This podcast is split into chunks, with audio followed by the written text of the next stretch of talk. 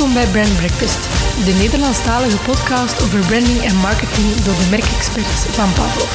Schuif gezellig aan onze ontbijttafel vol interessante topics, concrete tips en boeiende gasten. En haal meteen meer uit uw eigen merk.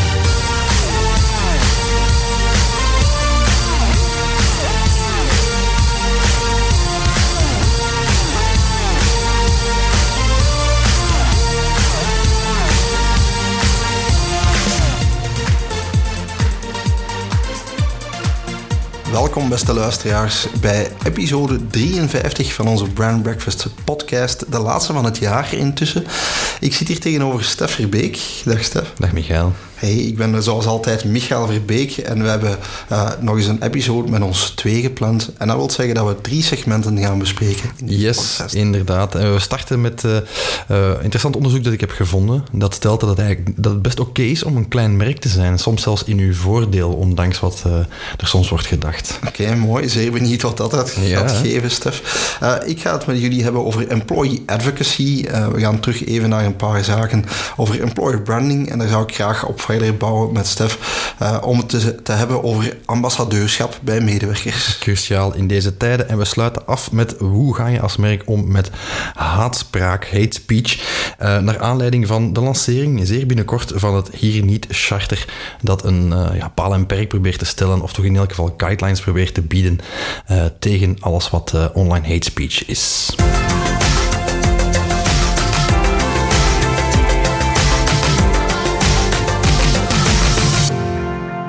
Michael, als jij mag kiezen tussen kopen bij een klein, bescheiden merk of bij een groot, gigantisch merk, wat kies je dan? Goh, ik vind dat een moeilijke vraag. Ik denk dat dat een beetje afhangt van de context. Dat is de bedoeling, hè? Dat het een moeilijke vraag is. Oh, allee, als, ik, als ik daar eerlijk op mag antwoorden, uh -huh. ik denk in, in, het geval bijvoorbeeld van als ik een wagen zou kopen, zou ik uh -huh. misschien gaan voor een established big brand, -huh. waarvan ik weet dat er uh, wel wat rondrijden en uh, dat ik daar de betrouwbaarheid een beetje van ken.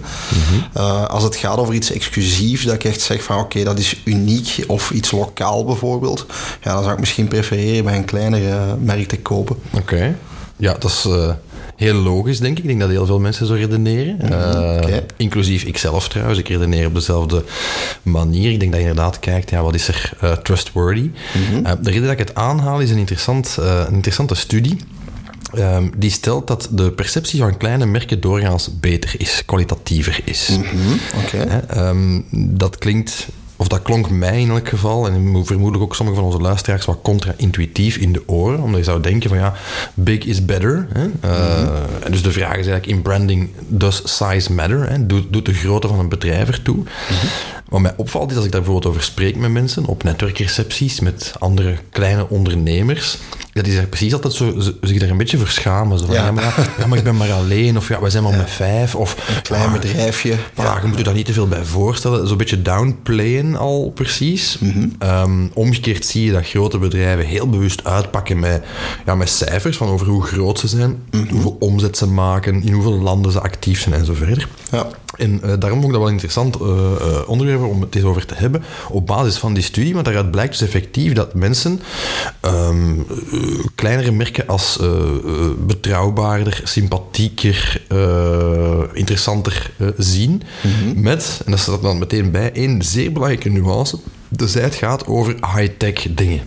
Oké. Okay, ja. Beetje het verhaal van de auto dat je er net aanhaalt. Ja, de stabiliteit en misschien uh, het voilà. feit dat ze meer funding hebben voor bepaalde dingen te testen. Exact. Of, ja, hè? Research and development dingen, dan gaat het over pharma, dan gaat het over software, dan gaat het over uh, technologie. Ik zeg maar iets, een mobiele telefoon of een laptop of zo. Mm -hmm. Ook een auto, zoals je in je voorbeeld er net aanhaalt. Ja, je gaat geen auto kopen van een merk waarvan er vier gemaakt worden ergens in een garage om je hoek elk jaar. Hè? Misschien wel zo. Ja, ik toch niet, maar misschien dat er anderen zijn. Uh... Ja, maar dan moet het dan denk je dat dat een specifiek nichepubliek is dat er ja. zelf ook wat van afkent. Ja, hè? Uh, en natuurlijk, ja, je hebt de limited edition van Ferrari of, of ja, een Bentley worden er ook geen duizenden per jaar van gemaakt. Hè? Uh, nee, maar dat zijn natuurlijk established brands die dan ook nog eens afhangen vaak van een, een groep. grotere of, groep, hè? voilà. Uh, en, en in pharma is dat, is dat hetzelfde eigenlijk. Hè? Heb je exact. Ja, heb je ook heel wat verdelingen over die grote conglomeraten, om het zo te zeggen. Dus, uh. Voilà.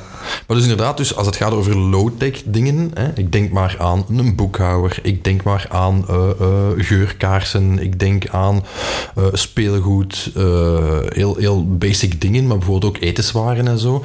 Ja, dan hebben we wel wat sympathie voor dat kleine, voor dat artisanale, voor dat nabije. Hè. Mm -hmm. de redenering is eigenlijk, ze hebben dat getest, dus 81% van de bevraagde mensen in studie, hè, mm -hmm. naar aanleiding van dit onderzoek, het is een Amerikaans onderzoek, maar het is wereldwijd getest als ik me niet vergis, 81% zegt ja, ik heb eigenlijk best wel een idee van de, de omvang van de bedrijven waarbij ik koop en waarmee Alright. ik zaken doe. Ja. Hè, uh, dat blijkt niet te kloppen trouwens, want er is heel wat mis, uh, misconceptie over. Hè. Ze denken dat ze bij een heel groot bedrijf kopen, maar het is eigenlijk een familiebedrijfje met 25 mensen. Okay. Omgekeerd, hè, dat je denkt van ja, dat ziet er een klein bedrijfje uit en ja, maar ik ken de Jan al 20 jaar en ik doe al 20 jaar zaken met de Jan, maar eigenlijk werkt de Jan bij een bedrijf met 6000 medewerkers. Ja. Hè, dus er blijkt heel wat uh, onduidelijkheid over te zijn.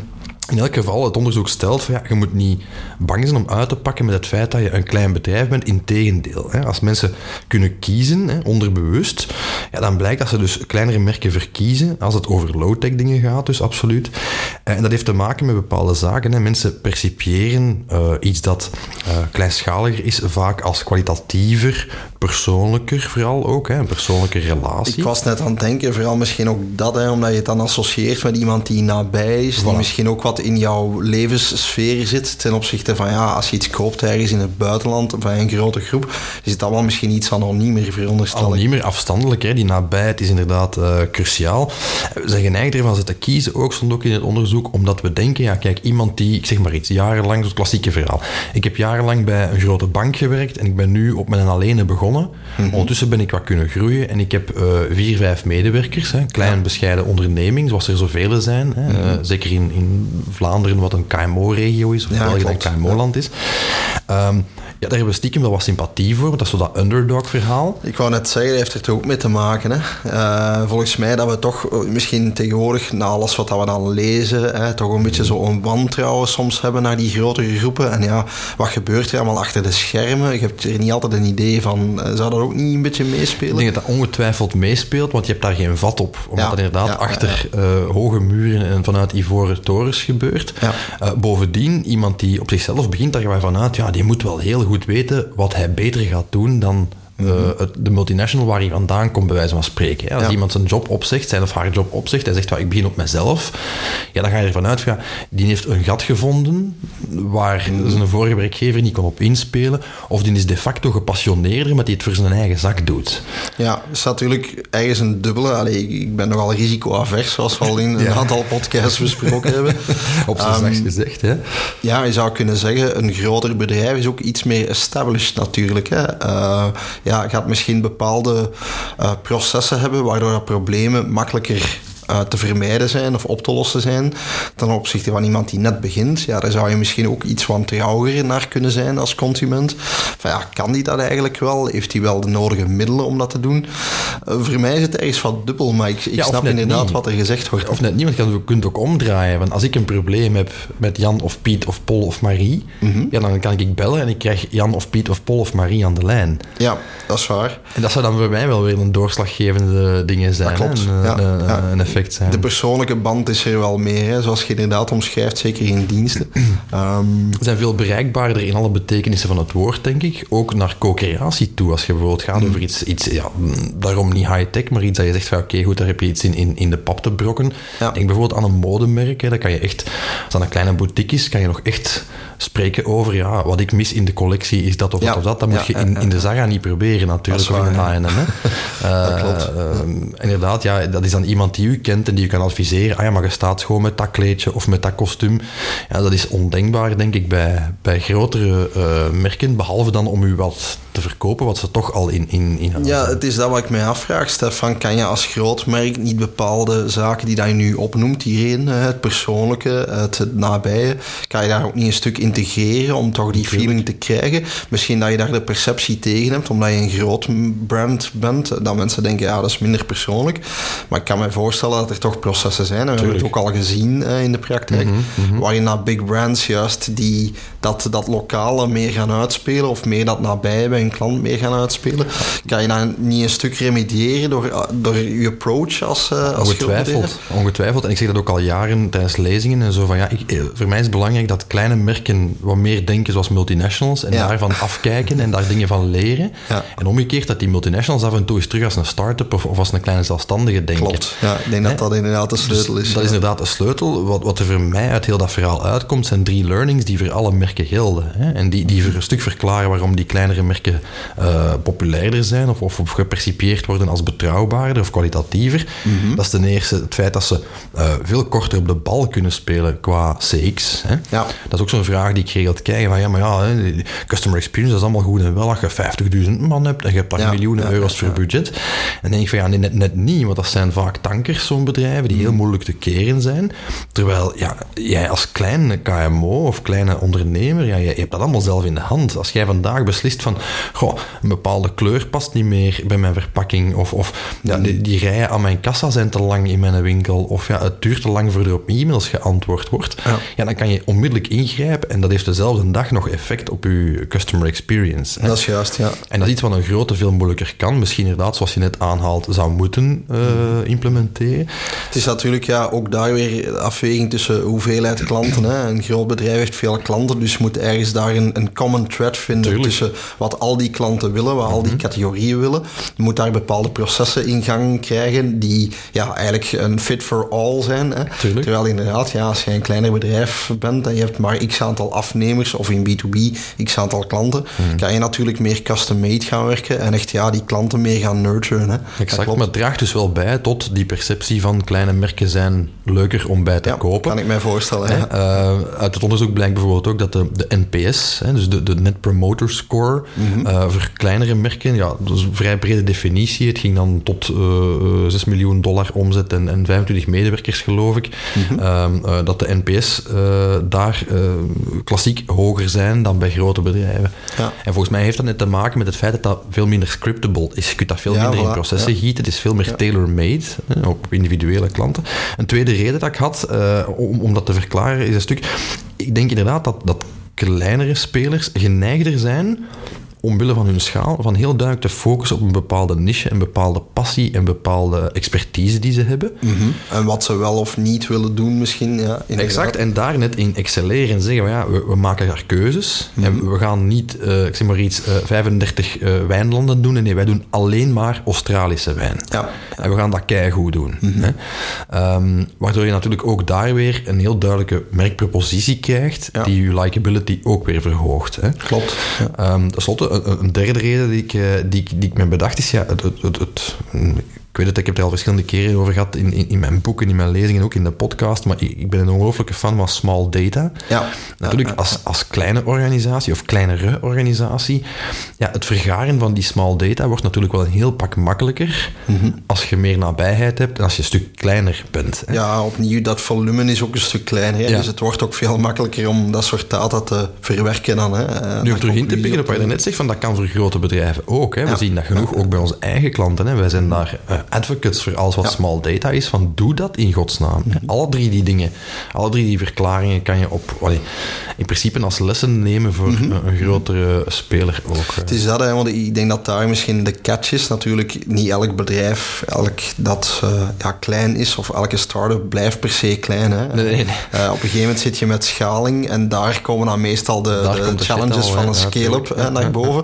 Van oké, je moet ergens wel bepaalde dingen wat meer generalistisch maken, efficiënter maken, duidelijke processen, structuren eh, gaan ingieten, zonder dan de aspecten die je net opnoemt te gaan verliezen. Mhm.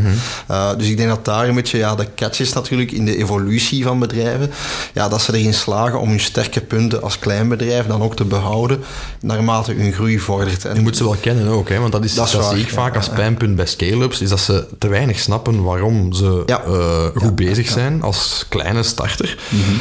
Of als klein bedrijf, je hoeft er nog geen starter te zijn. En dan bij groei of bij een overname dat allemaal uit het oog verliezen, omdat ze, zich, omdat ze te weinig vat hebben op. Ja, En, en wat ik bijvoorbeeld heel straf vind is, eh, een bedrijf als, als Combel bijvoorbeeld, een van onze Belgische eh, unicorns technisch gezien, Ja. hè, eh, internet service provider, host en dergelijke meer. Ehm, ja, die zijn groot geworden als kleine, kleine, kleine challenger in de markt door die gratis support te bieden, Mhm. 24-7 op een 0800 nummer. Ja, al die grote konden niet volgen, hè, alleen zij konden dat aanbieden eigenlijk. Ja. Eh, zijn daar enorm door gegroeid, onder andere door die customer centricity en houden dat tot op de dag van vandaag heel consequent vol. hè. Mhm. Eh, en daar zou je kunnen zeggen, van ja, doordat ze het deden als klein visje, eh, heeft het hen groot gemaakt. En door ze het blijven doen als, als, als grote vis in die, in die markt, zorgt het ervoor inderdaad dat, dat wat hen aantrekkelijk maakte als challenger, Mhm. eigenlijk is blijven bestaan wanneer ze een grote speler in de markt zijn. Dat is het. Hè. Ik denk dat ze daar heel slim zijn geweest om hun differentiërende succesfactor door te trekken in hun, in hun groei. Maar zoals je zegt, ja, groeien betekent ook keuzes maken. Zeker als je met mergers en acquisitions zit, dat we heel vaak zien in de markt. Ja, is het soms moeilijk om, om eigen te blijven aan eh je model dat je had als, als kleine vis, om het zo te zeggen. Uh, maar inderdaad, er zit wel wat in. Er zijn zeker bedrijven die daarin slagen. Hè. Dus ik denk, uh, uw, uw leuze van daarnet, dat je zegt, een klein bedrijf moet soms denken als een multinational en vice versa. Ik vind dat eigenlijk wel een heel mooie. Allee, goed, mooi. Fijn dat ik uh, dat zo uh, nog eens heb kunnen uh, poneren. Het moraal van het verhaal uh, voor mij is onder andere dat inderdaad, die fameuze leuze, maar ook van ja, ja ook als kleine zelfstandigen, eenmanszaak, als kleine KMO, hoeft u niet te beroerd te vinden. Focus op uw sterktes, focus op menselijkheid. En dan, is dat believe in yourself. Voilà, dan dat komt dat helemaal goed. En voilà, bij deze is er zelfs een onderzoek dat bevestigt dat dat attractief is voor Edulgo.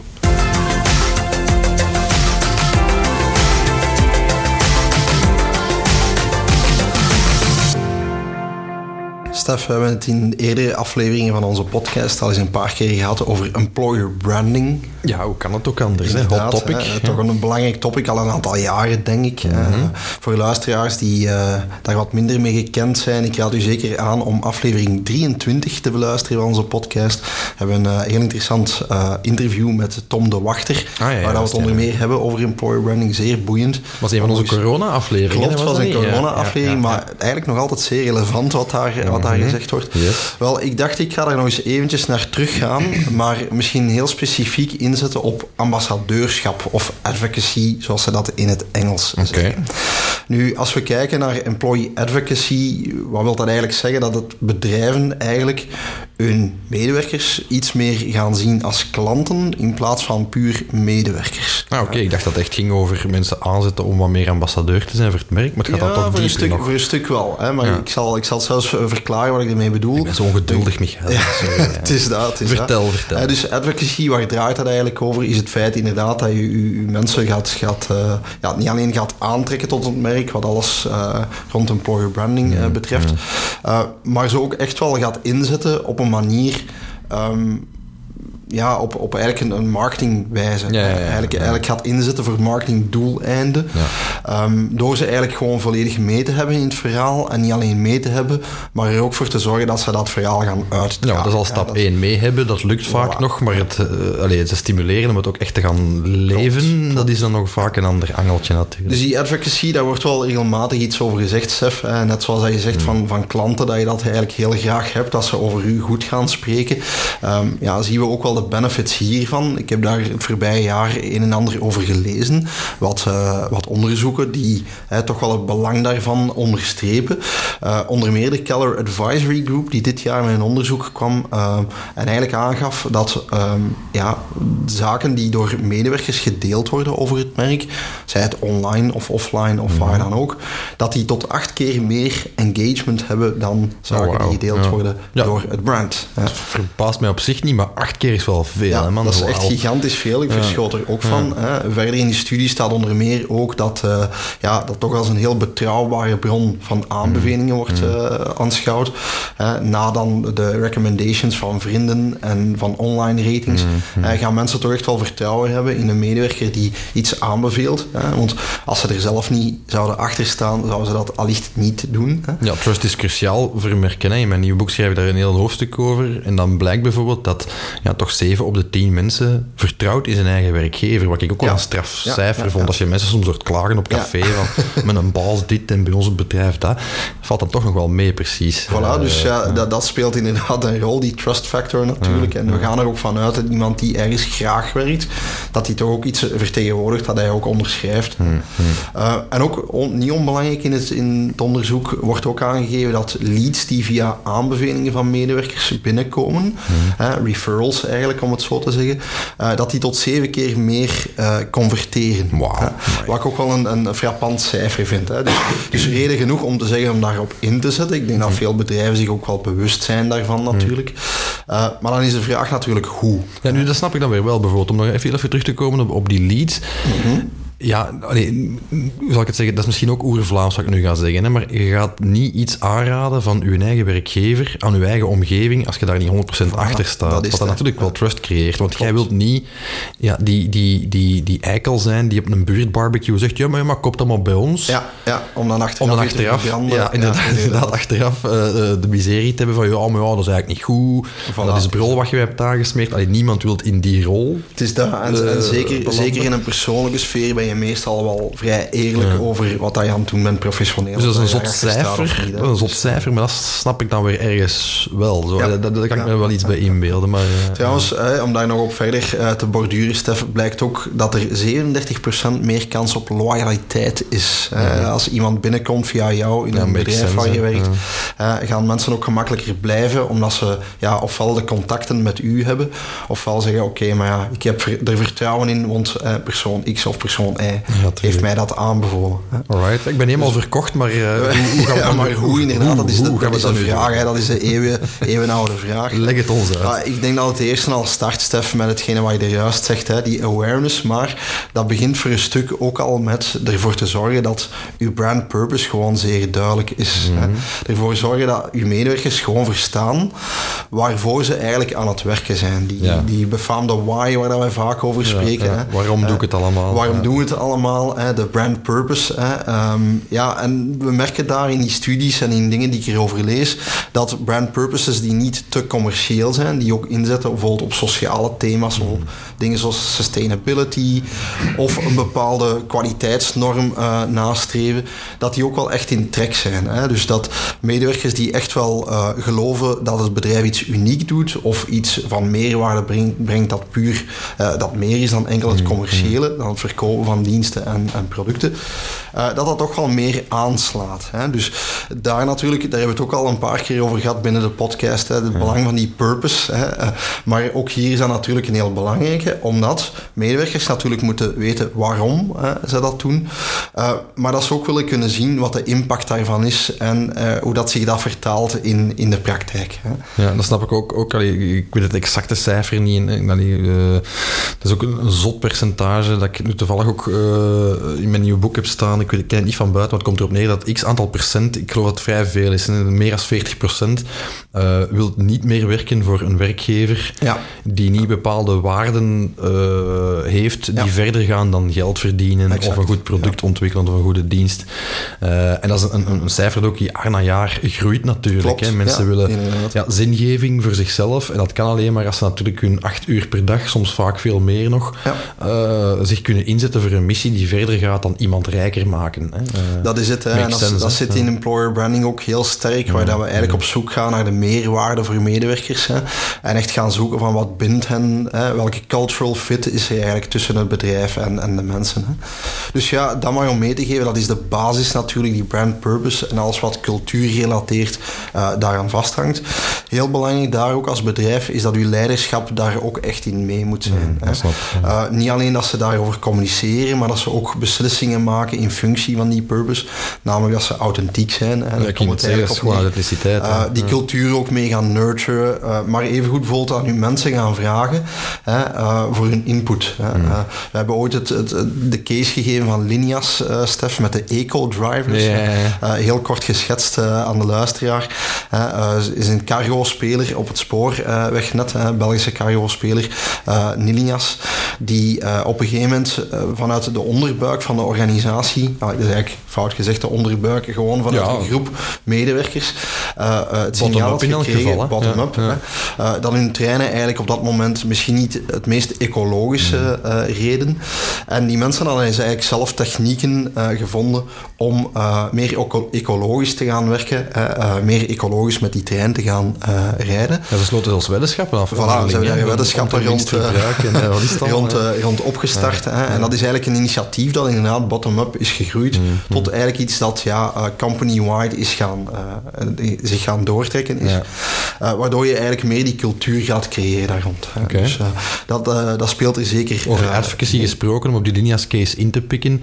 Die gasten die daar ooit mee begonnen zijn in een of ander depot, die worden dus in heel Europa gevraagd om daar lezingen over te geven. Mhm. Ja, hè. Dus Klopt, ze hebben daar ook regelmatig de pers mee gehaald. hè. Dus, dus inderdaad, naast het Als dat geen advocacy is, dan weet ik het ook niet meer. Een sterke PR ook, die Ja, eraan ja, eh, verbonden is.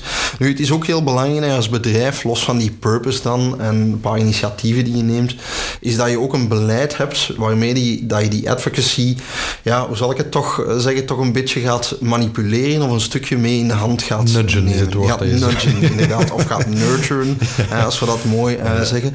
Eh, je kan eigenlijk van alles gaan doen als bedrijf. Hè. Om te beginnen, in, tijdens een onboarding kan je ook bijvoorbeeld aan je mensen meegeven van kijk, het wordt verwacht dat je die zaken gaat doen, bepaalde gedragingen gaat stellen. Maar het wordt ook aangemoedigd dat je daarover communiceert. Hè. Eh, ik zie dat er nog heel veel bedrijven zijn die heel bang zijn van hun eigen medewerkers en ze echt verbiedt van dingen te communiceren over het merk. Ja, natuurlijk, als je een sterke advocacy cultuur wilt creëren, ja, moet je dat eigenlijk juist gaan Ja, aanmoedigen. en voor mij dat alleen corporate communication, bij wijze van Klopt, spreken, ja. het woord voert. Het Ja. heeft zijn gevaar en ook, maar ik snap wat je Uiteraard, bedoelt, hè. het ja. heeft Ja. uiteraard zijn risico's, maar ook dat kan je een beetje in de hand werken door bijvoorbeeld opleidingen te doen intern. Hè, eh, ik weet destijds ehm, deden wij opleidingen rond social media gebruik bij medewerkers, waarin dat hen werd uitgelegd dat ze gerust wel iets mogen posten eh, over wat ze doen dagdagelijks, Ja. maar binnen bepaalde regels of binnen bepaalde gedragingen. Maar even inpikken op wat je zegt van ja, onboarding, begint het eigenlijk al niet ervoor? Ik bedoel ermee van naar, naar ja, employer branding te koer, maar hè, zeker als je over advocacy spreekt, moet je daar rekening mee houden volgens u in uw wervingspolitiek al? Mensen Dat aantrekken die ja. daarvoor openstaan? Ja, je, je kan die verwachting al scheppen hè, tijdens een sollicitatie. En, eh, daarin zit opnieuw het stuk wat ik eh, over sprak, over dat leiderschap. Hè. Eh, de mensen die jou aanwerven en die jou ook gaan sturen, eh, moeten natuurlijk dat gedrag ook gaan nurturen. Ja, dus ik denk dat je inderdaad gaat zoeken naar profielen die die fit hebben met de purpose, maar ook die misschien bereid zijn dat ook te gaan vertegenwoordigen naar buiten toe. Maar moeten dan als bedrijf iemand die op zich gekwalificeerd is, niet aannemen als die niet bereid is die advocacy role op zich te nemen? Dat is een hele eh, moeilijke discussie. Hè? Dat is zoals ze zeggen, eh, hire for motivation and not for talent. Hè? Eh, ik ben ervan overtuigd dat je best iemand aantrekt die echt volledig gelooft in wat hij aan het doen bent. Ja, sowieso. Ja. Eh, skills, ja, natuurlijk verwacht je dat iemand bepaalde talenten in huis dat heeft en bepaalde dingen kan, maar dat kan je misschien iets makkelijker trainen dan dat je ze echt gaat, ja, hoe zou ik het zeggen, meenemen in een verhaal. Als ze van, in, van dag één niet mee zijn, wordt het misschien ook moeilijker op termijn om die persoon mee om de kar te Ik krijgen. denk altijd, we hebben natuurlijk makkelijk praten wat dat betreft. Hè, want als er een war for talent is, zijn we misschien gewoon al blij dat er iemand Ja, capabel dat klopt. een bepaalde rol wil opnemen. En is misschien die advocacy het laatste van uw zorgen. Maar Ja. zelfs in deze tijden, al is het maar om de volgende hire te vergemakkelijken, is het toch wel voilà. belangrijk om daarop in te zetten, ik. Het is dat, want zoals ik net ook zei, van, hè, het heeft ook zijn benefits dat je natuurlijk supporters aan je zijde hebt. Als je in Mm, een team komt van mensen die niet geloven eh, in het verhaal, ja, ga je misschien ook in die negatieve spiraal meegaan. Ja, Dus exact, ja. je hebt er als, als bedrijf aan te winnen dat je inderdaad hired op basis van, van die, die fit, Mm. maar ook dat je, het, dat je het wel echt gaat nurturen. Hè, dat je het zoveel mogelijk inpepert en ook initiatieven toelaat, bottom-up. Niet alleen om die purpose te gaan eh, brengen in de praktijk, maar ook om ze te gaan communiceren. Oké, hè. makes sense. Uh, misschien nog een laatste tip daarbij, los van de dingen die je kan doen om uh, advocates binnen je onderneming wat meer naar de bovenkant te laten komen, is ja, doe dingen in team. Hè. Ook daar kan je, kan je advocacy gaan, gaan creëren. Is bijvoorbeeld zeggen, ja, events doen als groep, hè, bepaalde goede doelen gaan steunen als groep, hè, bepaalde milestones halen als groep. Dat helpt ook om die advocacy naar boven te laten komen. Ja, zeker als dat gelinkt is aan, aan uw purpose, hè? Is Ja? Allee, absoluut. Als je bepaalde KPI's of goede doelen, of allee, die, die rechtstreeks verband houden met... Helemaal juist. Plus, Stef, het draagt natuurlijk ook bij tot de fierheid die mensen dan hebben om Mm. voor een bepaald merk te werken. En als zij kunnen zeggen, oké, wij hebben eh, wezenlijk kunnen bijdragen aan een bepaalde impact, hè, maatschappelijk of binnen het bedrijf, wat dan ook, hè, dan gaan ze ook veel fierer zijn en gaan ze ook wel meer geneigd zijn om daarover te communiceren. Als ze fier zijn, dat ze deel uitmaken van een bepaalde groep mensen. Dat is commercieel ook verstandig, denk ik. Allee, soms een voorbeeld geven dat, dat ik heel vaak geef in, in deze is ook van Bumble, de dating-app. Ja, ja, Hè, ja, ontwikkeld voor en door vrouwen, die op een gegeven moment echt wetgeving veranderd krijgt in Juist, bepaalde ja. Amerikaanse staten. Ja, dat is heel purpose-driven. Dat heeft niks met dat product te maken. heeft geen enkele impact op de, de, de, de verkoop als dusdanig. Ja. Maar heeft een enorme impact op de rol die dat merk speelt in, in de wereld. Hè. En, Zeker, en, en de aantrekkingskracht ook als werkgever. Want ja, je bent daar fier op als je daar deel van kan uitmaken. Dat het verder gaat dan een, ja, pardon my French, maar een stoeme dating app. Ja. Nee, het, het gaat wel een heel stuk verder. Hè. Ja, We zijn- echt het disrupten van... van Voilà, en we zijn een safe space aan het creëren voor, eh, voor onze doelgroep en zo verder. Ja, dat, dat doet toch wel heel veel, denk ik. eh. Klopt. Ja, en misschien om af te ronden, want we hebben nu als, als voorbeelden veel maatschappelijke dingen gegeven als, als purpose. Ik kan bijvoorbeeld ook de case van Carglass nemen, die, die heel bewust zeggen, onze purpose is echt om, om heel kwaliteitsgedreven te gaan werken en echt ja, die, die 100% klantentevredenheid te gaan Ja, creëren. Ja. als je ziet hoe dat zij dat doortrekken naar hun mensen toe, hè, om echt ja, elke week te gaan meten met resultaten. Hè, eh, mensen die wat achterblijven, te gaan supporteren, te gaan coachen, eh, wedstrijden te gaan doen per, eh, Tussen vestigingen en per vestiging. ja, wie, wie zijn de beste fitters bijvoorbeeld en, en hoe kan je van elkaar gaan leren. Je ziet dat er echt een cultuur leeft in dat bedrijf die afgestemd is op die purpose. Hè. Eh, en als je binnen die organisatie toekomt, dan begrijp je dat ook. En dan neem, word je ook mee opgezogen in heel dat verhaal. En ga je ook veel meer bereid zijn, denk ik, hè, vanuit een psychologie, Om daar deel van uit om te maken. deel van uit Ja, te maken, ja. om daartoe bij te dragen, om daarover te communiceren. Hè. Dus bottom line, voor mij start het vanuit die purpose. Maar natuurlijk kan je als bedrijf heel wat dingen doen, operationeel, Hmm. om je mensen mee te krijgen, hè, eh, maar ook om ze te stimuleren om daarover te communiceren. Voilà. In deze tijden geen overbodige luxe, lijkt me. Absoluut.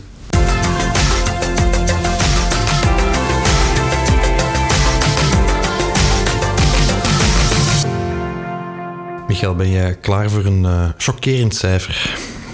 Nu ben ik heel benieuwd, want ik hoor dagelijks chockerende cijfers van jou. Ga ik er gelukkig van worden? Of? Waarschijnlijk niet. Oké. Nee, het is, eh, het is eigenlijk niet om te lachen. Eh, eh, de laatste drie jaar is het aantal eh, haatberichten op sociale media toegenomen met liefst 38 procent. Oké, dat is wel veel. En hoe hebben ze dat gemeten? een een, een, een eh, brede studie van Brandwatch eh, heeft dat dus geanalyseerd. Dus tussen 2019 en 2021 hebben ze miljoenen conversaties en posts eh, op sociale media en fora gecheckt. Ehm, en daar zien ze dus ja, 38% toename in wat zij als hate messages omschrijven. Alright. Het is misschien belangrijk dat we het uh, zometeen even definiëren. Met dus een belangrijke piek tijdens de pandemie, wat misschien niet hoeft te verbazen. Mensen zitten thuis in lockdown, vervelen zich, zijn boos op alles en iedereen. En, eh, ja, ja. Yes. Eh, daar zie je bijvoorbeeld ook een enorme eh, stijging in, in racistische opmerkingen. ja, ze noemen dat Asian hate, hè, dus echt naar, naar de Aziatische community, bijvoorbeeld in de US. Oké. Eh, dat is ook de periode van BLM, hè, Black Lives Ja. Matter, dat soort zaken allemaal. Dus daar is heel wat zaken ehm, de afgelopen jaren ook heel veel te doen geweest om woke ehm, initiatieven enerzijds, maar ook alles wat cancel culture is en dergelijke meer. Dus allee, als je er even over nadenkt, is het op zich niet zo, ehm, zo bizar te noemen.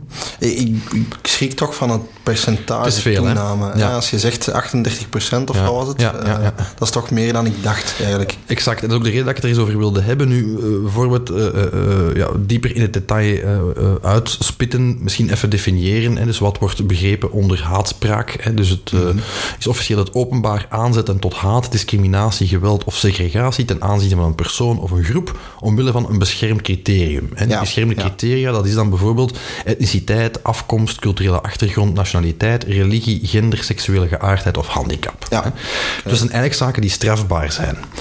Hè, volgens de Belgische wetgeving. En die dus de facto ook niet ja, getolereerd mogen slash kunnen worden op eh, Ja. het publieke domein en sociale media en dergelijke. Maar het gaat dus echt specifiek over die beschermde categorieën, als ik het Ja, goed begrijp. maar dat is natuurlijk dun ijs. Hè? Waar Ja, eindigt ja, ja. de vrijheid van meningsuiting? Waar Ja, begint eh, eh, het misschien iets te woke te worden? Mag je nog zeggen wat je wilt? En dat soort eh, vragen, ja, daar word je ook mee gebombardeerd. Ik herinner mij bijvoorbeeld heel de discussie rond de antivax-beweging, Ja. die dan zei, we worden ingeperkt in onze vrijheid om op Facebook bijvoorbeeld daar iets over te posten. Dan worden we ge- gecanceld of we worden gebannen van, van het kanaal omwille van fake news en dergelijke meer. Daar gaat het dus niet over. Het gaat Ja. over haat in die zin van reageren met scheldwoorden, eh, ruzies uitvechten, mensen echt intimideren, Ja. eh, gaan doxen, zoals dat heet. Ja, Dus een publieke ja, ja. Adressen eh, delen voilà, gegevens. eh. Daar gaat het echt over. Ehm, en dus ja, waarom haal ik dat aan? Omwille van het feit dat er een, een, een, om twee redenen eigenlijk. Hè. Ten eerste, ja, het heeft enorme impact op merken. We zullen het daar zo dadelijk even over hebben. Eh, ten tweede, omdat ik eh, op de hoogte ben gebracht door Joke de Nul, u vast niet onbekend Klopt, ja, ex-collega van voilà, eh, van bij Talking Heads, en die mij laat weten dat er op 23 januari een, eh, een feestdag is, namelijk de eh, ehm, eh, Community Manager Appreciation Day. Ja, klopt. ja. ik was zo niet van het bestaan daarvan op de hoogte tot, eh, tot recent. Maar op die drie- 23 januari lanceren zij een charter. Ja. Meer bepaald het hier niet charter. En de bedoeling is dat alle agencies, alle merken die dus actief zijn op sociale media, op internet in de brede zin, dat gaan tekenen en zeggen van kijk, wij tolereren dat niet meer. Op Ja. onze kanalen, op onze pagina's, op onze, ja, op onze eigen media. Eh, idealiter moeten natuurlijk de platformen daarop aansluiten, voor zover dat nog niet het geval is. Want ze hebben allemaal wel guidelines van wat Ja. kan en wat Ja, kan niet. Al zijn die bijvoorbeeld op Twitter sinds Elon Musk alweer wat vager geworden. Ja, hè, van wat, soepeler van wat er mag gezegd ja, worden, maar ook wat onduidelijker. Hè, want Ja, hij ja. schrapt dan blijkbaar zelf eh, accounts die hem tegenzitten en dergelijke Mhm. meer. Dus eh, toch heel wat discussie over. Ehm, nu, dat charter... eh, misschien even, Zeg maar. even meegeven, Stef. Ik heb een en ander zien passeren Ah, online. Ik, ik maak deel uit, of allee, ik ben lid van een Facebookgroep genaamd VLCM. Veel haatspraak daar. Wel, nee, eigenlijk. Het ging onder meer over dat charter Ja. en meer bepaald eh, de voorbereiding daartoe. Ah, dus voor zij die dat niet kennen, VLCM is een Facebookgroep, een community van social media managers. Eh. Ik ben daar destijds in, in het jaar 2010, denk ik, of 2012, ik weet het al niet meer exact, eh, deel van geworden. Toen ik wat meer in social media marketing ja, zat. beroepsmatig daar mee en bezig. dus eigenlijk een, een collectief van mensen, ja, ik kan daar ook vrij, vrij aan, toegevoegd worden, voor zij die daar nog, nog geen deel van uitmaken. En op een professionele wijze, eh, allee, of als deel van hun, hun job, eh, social media management doen, eh, kunnen, daar, kunnen daar aan joinen. Oké, cool. En daar heb ik inderdaad een en ander zien passeren, onder meer van merken, grote merken, die regelmatig toch dingen posten, screenshots van reacties die gedeeld worden op hun posts. Hè. Ik herinner mij onder meer Proximus die een reclamecampagne, een social media beeld hadden lopen, eh, met, met een, een zwarte jonge heer, eh, waar dan ongelooflijk veel racistische reacties terecht, op kwamen. ja, ja. Eigenlijk unprovoked, hè, want het ging absoluut niet... allee, de, het was geen het was gewoon een statement, visual. eh, hè. het, was, het ging absoluut niet over, over ras of over etniciteit. Hmm. Uh, maar voor vele mensen dan blijkbaar toch een trigger Om bagger te spuien, Ja, om dan eh, bagger te spuien en zich offended te voelen. Uh, dus ja, ik heb, ik heb toevallig wat zien passeren de laatste Hmm. maanden, wat dan eigenlijk ja, aanleiding heeft gegeven tot dit, dit charter. De vraag is natuurlijk, hoe ga je daarmee om? Hè? De charter wilt, allee, die hier niet uh, charter wilt daar ook een antwoord op bieden. Hè? Ja, ja um, door, door guidelines te bieden aan mensen van ja, kijk, dat doe je daarmee, dat doe je er vooral niet mee. Mm -hmm. hoe reageer je daarop? Haal je het offline, ja of nee? Um, ja, ja, hoe gaat het om met bepaalde van dat soort comments natuurlijk? Hè? Ik zou standaard kunnen zeggen, ja, flikker dat er gewoon af. Ik weet het, is niet dat, dat, ja, het is een eeuwige discussie, hè, want ik herinner mij dat, dat heel wat merken hebben al een soort social media guideline. Mm, intern dan bedoel intern, ja, maar ook extern, hè, waar ze soms naar, naar verwijzen. Okay. Het zijn eigenlijk gedragsregels waar ze dan ja, regelmatig mensen attent op maken. Ik herinner mij destijds was het een beetje de, ja, de, de um, hoe zal ik het zeggen, de handelswijze om ervoor te zorgen dat je eigenlijk nooit of zeer zelden iets zou verwijderen als community mm. manager. Natuurlijk, als ik dit nu hoor... Hè, uh, het gaat wel over strafbare zaken. Over zeer strafbare en ja. heel haatdragende zaken is de vraag van, ja, wat is dan het advies nu? Hè? Of uh, ja. het gaat niet, het gaat niet mee om? in deze bijvoorbeeld dat iemand reageert, ja, Proximus, je moet geen reclame zitten maken voor daar of daar of daar, want dat is troep wat jij ja. aanbiedt. Ja. dat is, ja, is dat hate speech? Ja, dat weet ik niet. In dit geval gaat het niet over iets strafbaar. Dat is gewoon iemand die zijn frustraties, Klopt. HLN-comment gewijs, Ja. eh, op nogal boertige wijze op het internet gooit, vaak op de verkeerde plaatsen dan ook nog. hè. Mhm. Eh, ja, die zou ik niet verwijderen. Daar zou ik dan inderdaad publiekelijk op reageren als community manager. Of, zoals in het charter staat, ja, zo'n dat soort conversaties gewoon privé verder zetten. Hè. Ja. Eh, Ja. nu, het is wel belangrijk. Hè. Het is wel belangrijk dat er, dat, er, ja, dat er iets aan gedaan wordt. Ja, omwille van sociale redenen natuurlijk, maatschappelijke redenen. eh, antidiscriminatie en dergelijke meer. Hè. Je wilt toch ergens als merk een safe space bieden, denk ik dan. Hè. Wil je vermijden dat, eh, dat inclusie een, een, een ver verhaal is. Ja, dat, dat is punt 1, Stef. En ik denk ook, allee, merken kunnen daar, zoals we ook in het vorige segment besproken hebben, ook wel een impact hebben. Hè? Een signaal stellen, Natuurlijk. maatschappelijk, dat ook zij daar niet achter staan. Hè? En dat ook niet laten gebeuren op quote-unquote hun kanalen, hè, om het zo te zeggen dan. Ehm, dus ja, als, als genoeg merken dat statement maken, nopen ze misschien ook de platformen om daar iets mee actie in te ondernemen. Dat is exact denk ik wat het charter eh, in deze wil, wil beogen, maar het is natuurlijk ook in belang van merken zelf, hè, los van het purpose-verhaal. Eh, ik, ik las een andere studie, eh 77,6% van de klanten vindt dat haatberichten verwijderd moeten worden, dat Ja, aan merken ja. is om daarop te reageren, op welke manier dan ook. Ehm, op straffen van, ja, ik koop daar anders niet meer. Ja, ja, ja. En dat is, ja, dat is meer dan drie kwart, dat is toch wel fascinerend. Hè? Dat, is, dat is echt heel veel mensen. Ja, dat is dan Eh, toch een serieuze verantwoordelijkheid, hè, Stef. Want je zou kunnen zeggen, oké, eh, merken zijn niet altijd verantwoordelijk in eerste instantie wat users Natuurlijk eh, niet, posten op hun kanalen. Maar ze kunnen het natuurlijk wel modereren. Hè. Ik denk dat het moeten modereren, dat het, dat een, een plicht is ergens. Ehm, een andere studie die ik, eh, die ik daarover vond, maar ik heb er wel wat in verdiept, ook, ook naar aanleiding van dat topic, omdat ik dat cijfer zo frappant vond.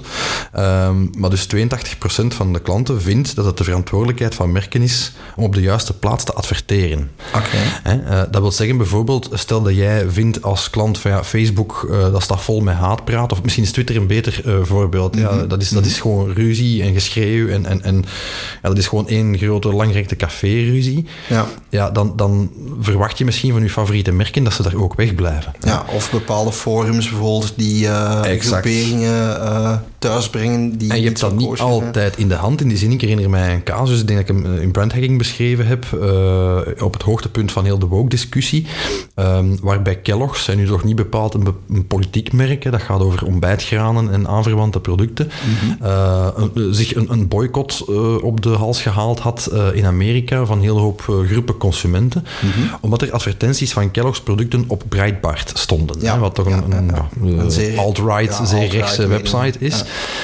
Ehm Kellogg's reageerde daar aanvankelijk op met te zeggen, ja, we hebben gewoon onze advertentie bij een regie binnengestoken, zoals dat vaak gaat. En Mhm. ja, zij hebben op basis van de demografie die wij willen bereiken, hebben zij media gekozen, waaronder nu toevallig die in Breitbart. We hebben onmiddellijk actie ondernomen, Mhm.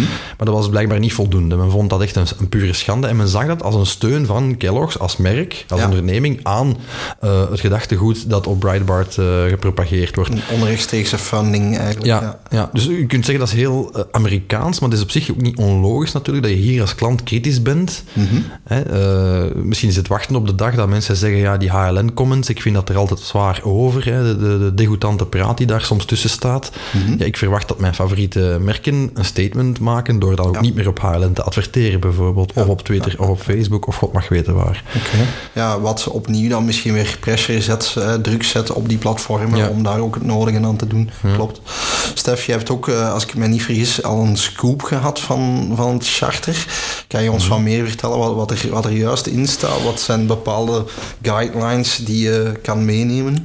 Wel, het is wat ik net zeg, hè, van, dus het, komt binnenkort online voor alle duidelijkheid. Merken die interesse hebben, eh, kunnen al een mailtje sturen naar info.hierniet.be. En dan Ja. ga je eh, op de hoogte gehouden worden. Op 23 januari eh, ehm, wordt het dus officieel gelanceerd. Dan kan je het dus ook onderschrijven. Maar wat zit er onder andere in? Ja, men omschrijft de bedoeling van het charter uiteraard. hè, van, maar ja, wat willen we bekomen, wat willen we vooral vermijden? Eh, een, een definitie van haatspraak zoals ik die er net heb gegeven. En wat verstaat men daaronder en wat, wat niet? Ehm, en dan leggen ze inderdaad uit van, ja goed, men biedt eigenlijk handvaten. Hè. Men legt eigenlijk uit aan merken, in bijzonder sociale media managers, van goed, wat is de gedragscode voor uw sociale mediapagina's? Hoe maak je dat op? Hoe maak je dat duidelijk aan uw doelpubliek? Eh, maar ook, ja, hoe reageer je op bepaalde posts? Hè. Dat vond ik wel heel frappant. Er zit een soort van flowchart in, eh, zoals ik het eh, heb gezien, Ehm, eh, waarbij je eigenlijk de, de, de vraag beantwoord krijgt van hoe reageer je op bepaalde types commentaar? Op een scenario, ja, ja, inderdaad. ja, hoe ga je om met een bepaald scenario? Hoe ga je om met positieve feedback, uh, neutrale feedback, negatieve feedback en zo verder. Het zit eigenlijk vol met, met, met concrete tips, concrete handvaten, concrete guidelines om als merk of als agency dat als tussenpartij optreedt, op die kanalen inderdaad te zorgen voor uh, het vermijden kan je natuurlijk nooit, maar mhm. het, het uh, modereren van of het omgaan met bepaalde tipsberichten. Ja. Oké. Wordt er ook gewacht gemaakt van ja, mensen die daarin tegenin gaan, zal ik maar zeggen. Die uh, ja, inderdaad haatspraak verkopen. Zijn, ja, is de bedoeling dat we die gaan blokkeren? Wat kunnen we daar het beste uh, Wat zij wel zeggen is dat je het moet rapporteren. Hè? dus okay, om te beginnen binnen uw bedrijf of uw eigen organisatie, hè, dat er wel een, uh, bij een leidinggevende bijvoorbeeld kan rapporteren. Mm -hmm. um, via sociale mediakanalen zelf natuurlijk. Klopt, je kan ja, aangeven ja. dat je een bepaalde post of bepaalde comment offensive vindt, om welke reden dan ook. En dat kan spam zijn, dat kan nudity zijn, maar dus inderdaad ook hate speech. Mm -hmm. um, zij zelf geven aan, ja, in extreme gevallen moet je naar een Unia of naar een politie stappen Mhm. Een, een, een police on web bijvoorbeeld is daar gekend als, uh, als medium inderdaad om bepaalde dingen te melden. Dus, okay. Ja, een mooi signaal denk ik. Hè. Ja. Ik heb inderdaad, zoals ik zei, al een aantal van die initiatieven misschien op individueel niveau gezien, op, op merkniveau. Mm, maar het is goed dat er een, een signaal is vanuit Absoluut. Ja, onze, onze sector, zeg maar, onze industrie, ja. uh, om merken hierbij te helpen. Hè. Denk, voilà. uh, iets dat we zeker kunnen onderschrijven en waar dat we waakzaam op moeten zijn in de toekomst. Voilà, en dat dat de oproep zijn aan onze luisteraars ook. Hè, als je zelf uh, in de positie bent om daar iets aan te doen, inderdaad, um, ja, volg inderdaad die hierniet.be al zeker en stuur een mailtje naar info.hierniet.be en onderschrijf het charter. Je krijgt er heel wat relevante guidelines voor in ruil en je maakt heel duidelijk aan jouw klanten en jouw doelgroep dat je bepaalde acties gaat ondernemen. Het, het, je gaat daarmee het voorbeeld volgen van heel wat grote merken, heb ik begrepen, Klopt. die ja. al die stap gezet hebben. Voilà, ik denk dat we daarmee rond zijn voor deze maand, Michael. We hebben onze drie topics gehad. Hè. Uh, Zoals dat, deze uh, kersteditie, want we nemen ja. op in de week tussen kerst en uh, nieuwjaar. Exact. En ja, er is misschien enkel om onze talrijke luisteraars te bedanken. Heeft dat misschien zien opduiken op de sociale mediakanalen van Pavlov of, of mezelf. Mm -hmm. jullie zijn talrijk gegroeid, moet ik zeggen, dit jaar. Ja, ja, ja. En heel wat abonnees bijgekomen. Heel veel mensen die in 2022 voor het eerst geluisterd hebben naar één of meerdere van onze afleveringen. Uh, we appreciëren dat uiteraard enorm. We zijn heel blij met de berichten die we krijgen, dat we kunnen inspireren. Uh, ik word op evenementen ook continu aangesproken door mensen die zeggen, ja, toffe podcast, goed bezig. De stem van Brand Breakfast. Ja, inderdaad. de stemmen in ons geval ja. dan inderdaad. Dus dat is, uh, dat is heel leuk. Blijf massaal luisteren. we hebben een hele reeks super interessante gasten op de planning staan voor de komende maanden. Dat is juist, want niet onbelangrijk. Hè, vanaf volgend jaar, als ik me niet vergis, april of mei, Stef, zouden wij in ons vijfde jaar gaan inmiddels. Ja, klopt. Uh, ik ben aan het denken. Ja, ja, ja, ja, we bestaan vijf jaar in mei, maar ik moest zelf wel even denken. Dus uh, dat is toch ook weer een jubileum dat we kunnen vieren. Hè? En dat is natuurlijk alleen maar mogelijk door jullie, uh, ja, door jullie luistervaardigheid of in ieder geval jullie loyaliteit aan onze podcast. Voilà. dat is zeer fijn. En we kunnen het ons niet inbeelden, maar mocht dat nog niet het geval zijn, vergeet zeker niet te abonneren, reviews te laten, duimpjes te geven. we appreciëren het enorm en je helpt daarmee aan onze brand advocacy. Hè? Inderdaad. Ja. Uh, als brand breakfast. Voilà. Uh, mocht je nog vragen, opmerkingen hebben over deze of andere afleveringen, of uh, heeft eventueel een prangende vraag die je wilt voorleggen aan onze of onze gasten, laat het ons weten. Hello. Eén adres. Hello at brandbreakfast.be, inderdaad, één adres. En dan horen wij je graag in een volgende aflevering terug.